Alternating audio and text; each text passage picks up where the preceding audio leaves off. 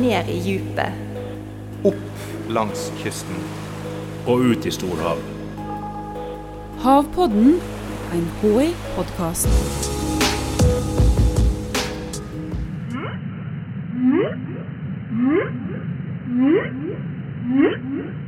Knølhval den synger ulike typer sanger, og der er det om å gjøre å ha mest komplisert sang. Damene velger mannen basert på hvor komplisert sang han klarer å synge. Jeg forsker på eh, lyd i havet, og hvordan menneskeskapt lyd påvirker fisk og andre marine dyr. Dette er havforsker Tonje Nesse Forland.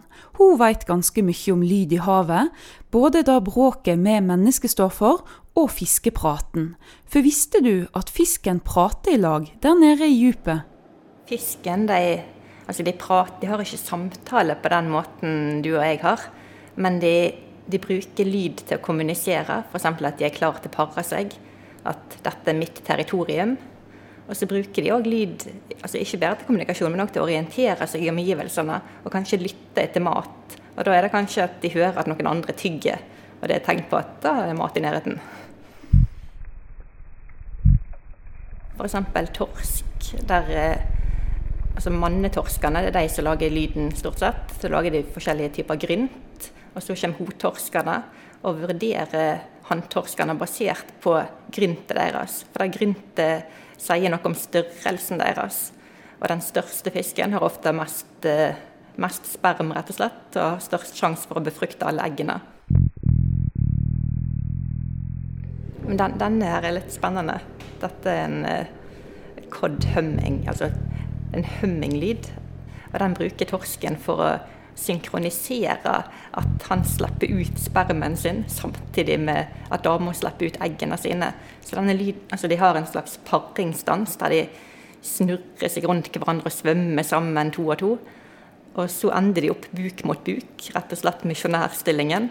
Og når han da lager denne lyden, så slipper de eh, eh, formeringscellene, eller hva vi skal kalle det.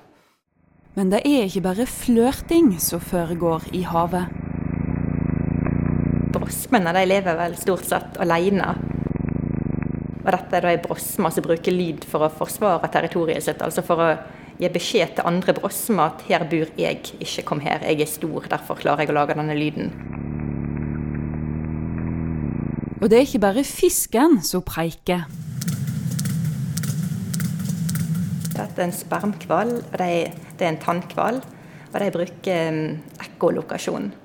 Og ekkolokasjon går ut på at de sender ut lyd, og så lytter de etter den mottatte lyden for å orientere seg.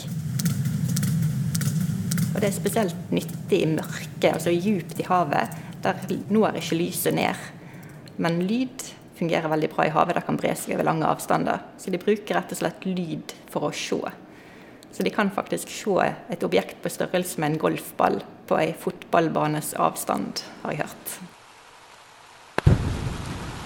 Så til det Tonje forsker mest på, nemlig det bråket med mennesker lager i havet. Det er jo skipsstøy og støy fra luftkanoner, altså seismikk, som er leiting etter olje. Og um, forskjellige industrielle aktiviteter, plattformer, vindmøller. Og perling, der de banker ned fundamentet fundament i havbunnen. Ja, det er vel hovedkildene til lyd, tenker jeg. Hva er seismikk? Ja, seismikk Altså, de bruker luftkanoner for å skyte ut en lydpuls. Og det er ikke sånn at de skyter ut noe skudd fra en kanon, men en luftkanon, der, der har de komprimert, sammenpressa luft inni et lite kammer. Og så slapper de den all lufta fri på et lite øyeblikk, sånn at det kommer ut ei diger luftboble som skyver vannet til side. Og det genererer da en kraftig lyd. Det blir litt som at du sprekker en ballong. For der har vi, inni en ballong har du litt høyere trykk enn hva vi har i lufta utenfor. Og når vi sprekker den, så slipper vi fri lufta. Da kommer et smell. Det er det som skjer i havet òg. Et kraftig smell. Eh, dette her er et forsøk vi gjorde ute i Bjørnefjorden. Da hadde vi en enkelt luftkanon, 90 kubikktommer. Så den er mindre enn det som blir brukt i vanlige seismikkundersøkelser. Så det er en enkel luftkanon, og den er ved 300 meters avstand. Han blir avfyrt hvert tiende sekund.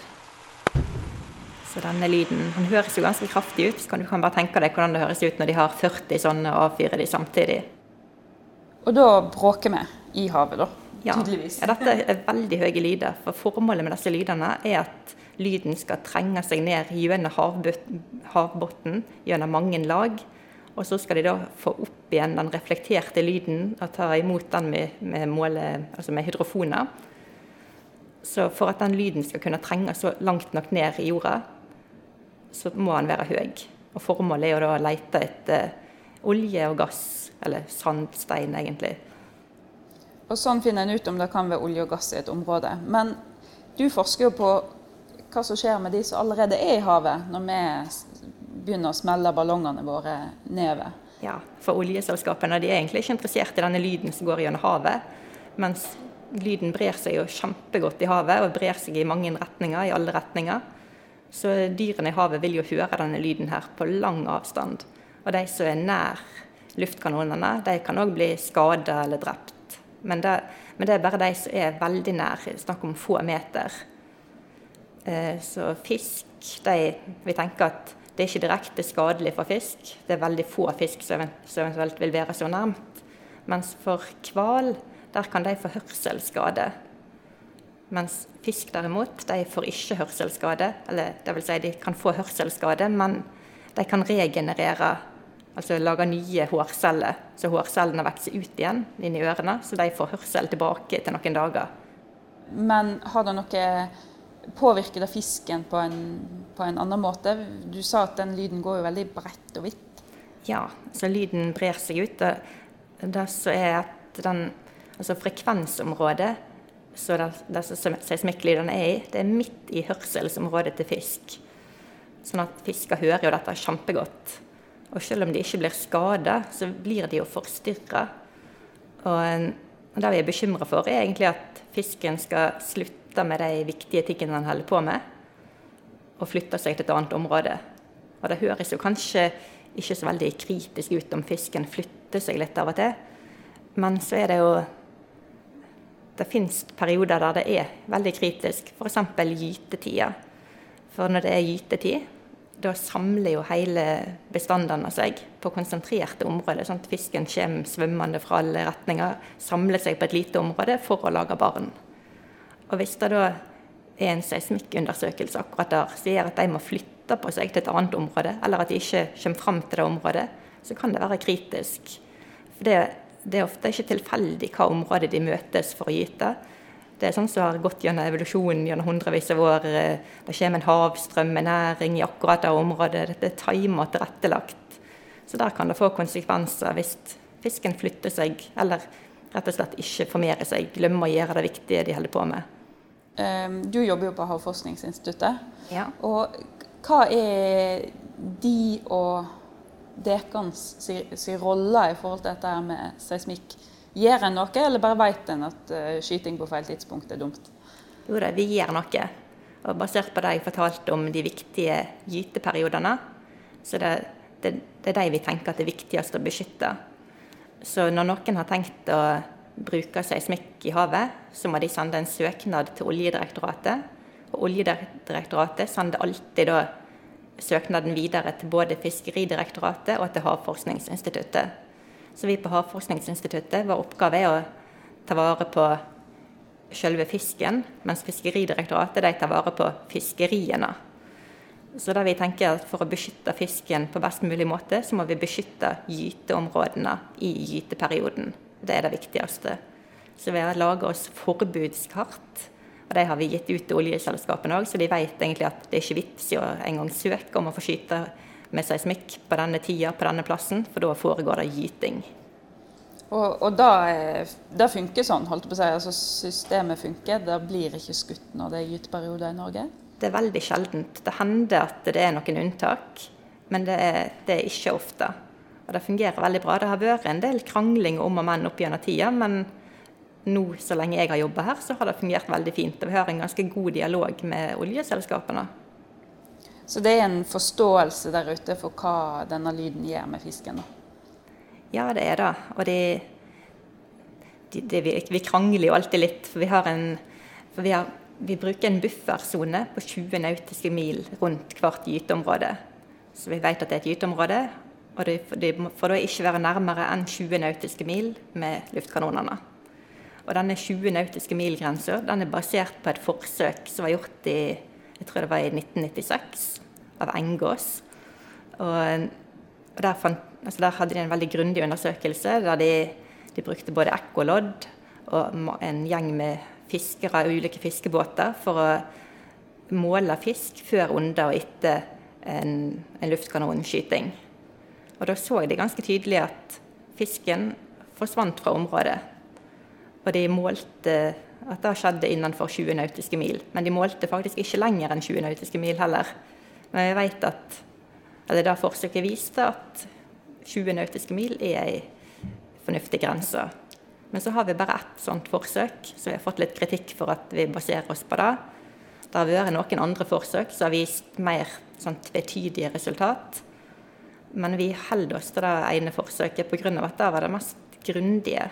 Og det det er ikke lett å få penger til å forske på sånne storskala forskyvninger av fisk. Og så skal du undersøke et område på, altså med diameter 40 nautiske mil eller mer. Så krever det veldig store ressurser, og det koster veldig masse penger. Så vi har rett og slett ikke, ikke penger til å gjenta det. Da må noen i så fall gi oss penger til det. Er det noe de som skal skyte seismikk, eh, kan gjøre for å dempe lyden? Ja, det er jo det. Men altså, de har prøvd forskjellige ting. De har prøvd å lage luftkanon som bruker f.eks. bare én luftkanon om gangen. Vanligvis bruker de jo kanskje 40 luftkanoner samtidig for å lage en skikkelig høy lyd. Men så er det noen som har funnet ut at hvis de tar én luftkanon om gangen, så blir det mye lavere lyd. Men da varer jo lyden mye lenger. Og, tenk, og så tenker vi at dette er miljøvennlig seismikk.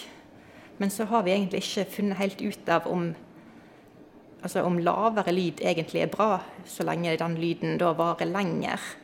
For kontinuerlig bråk kan jo være verre på mange måter, spesielt når noen skal kommunisere. Hvis du aldri har en stille periode, så får du jo ikke fram budskapet ditt. Men det er uansett ikke så enkelt med seismikk å gjøre det miljøvennlig.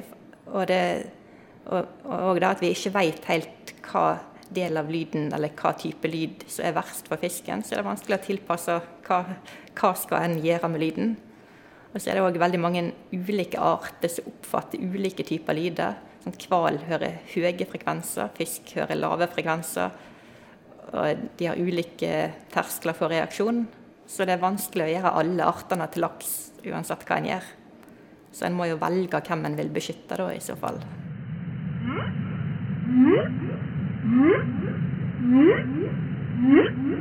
Hvalen synger, fisken prater. For dem er det viktig å kunne lage og høre lyd i havet. For å orientere seg, for å finne mat og for å tiltrekke seg damene. Og Derfor er det avgjørende at vi mennesker ikke bråker for mye på feil plass til feil tid. Rådet fra havforskeren er klart.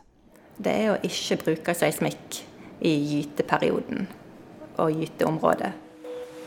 Havpodden er en podkast fra Havforskningsinstituttet. Jeg heter Stine Hommedal og jobber her. Teknisk produksjon og lyddesign var det Febril Film som sto for. Og du, du hører snart igjen.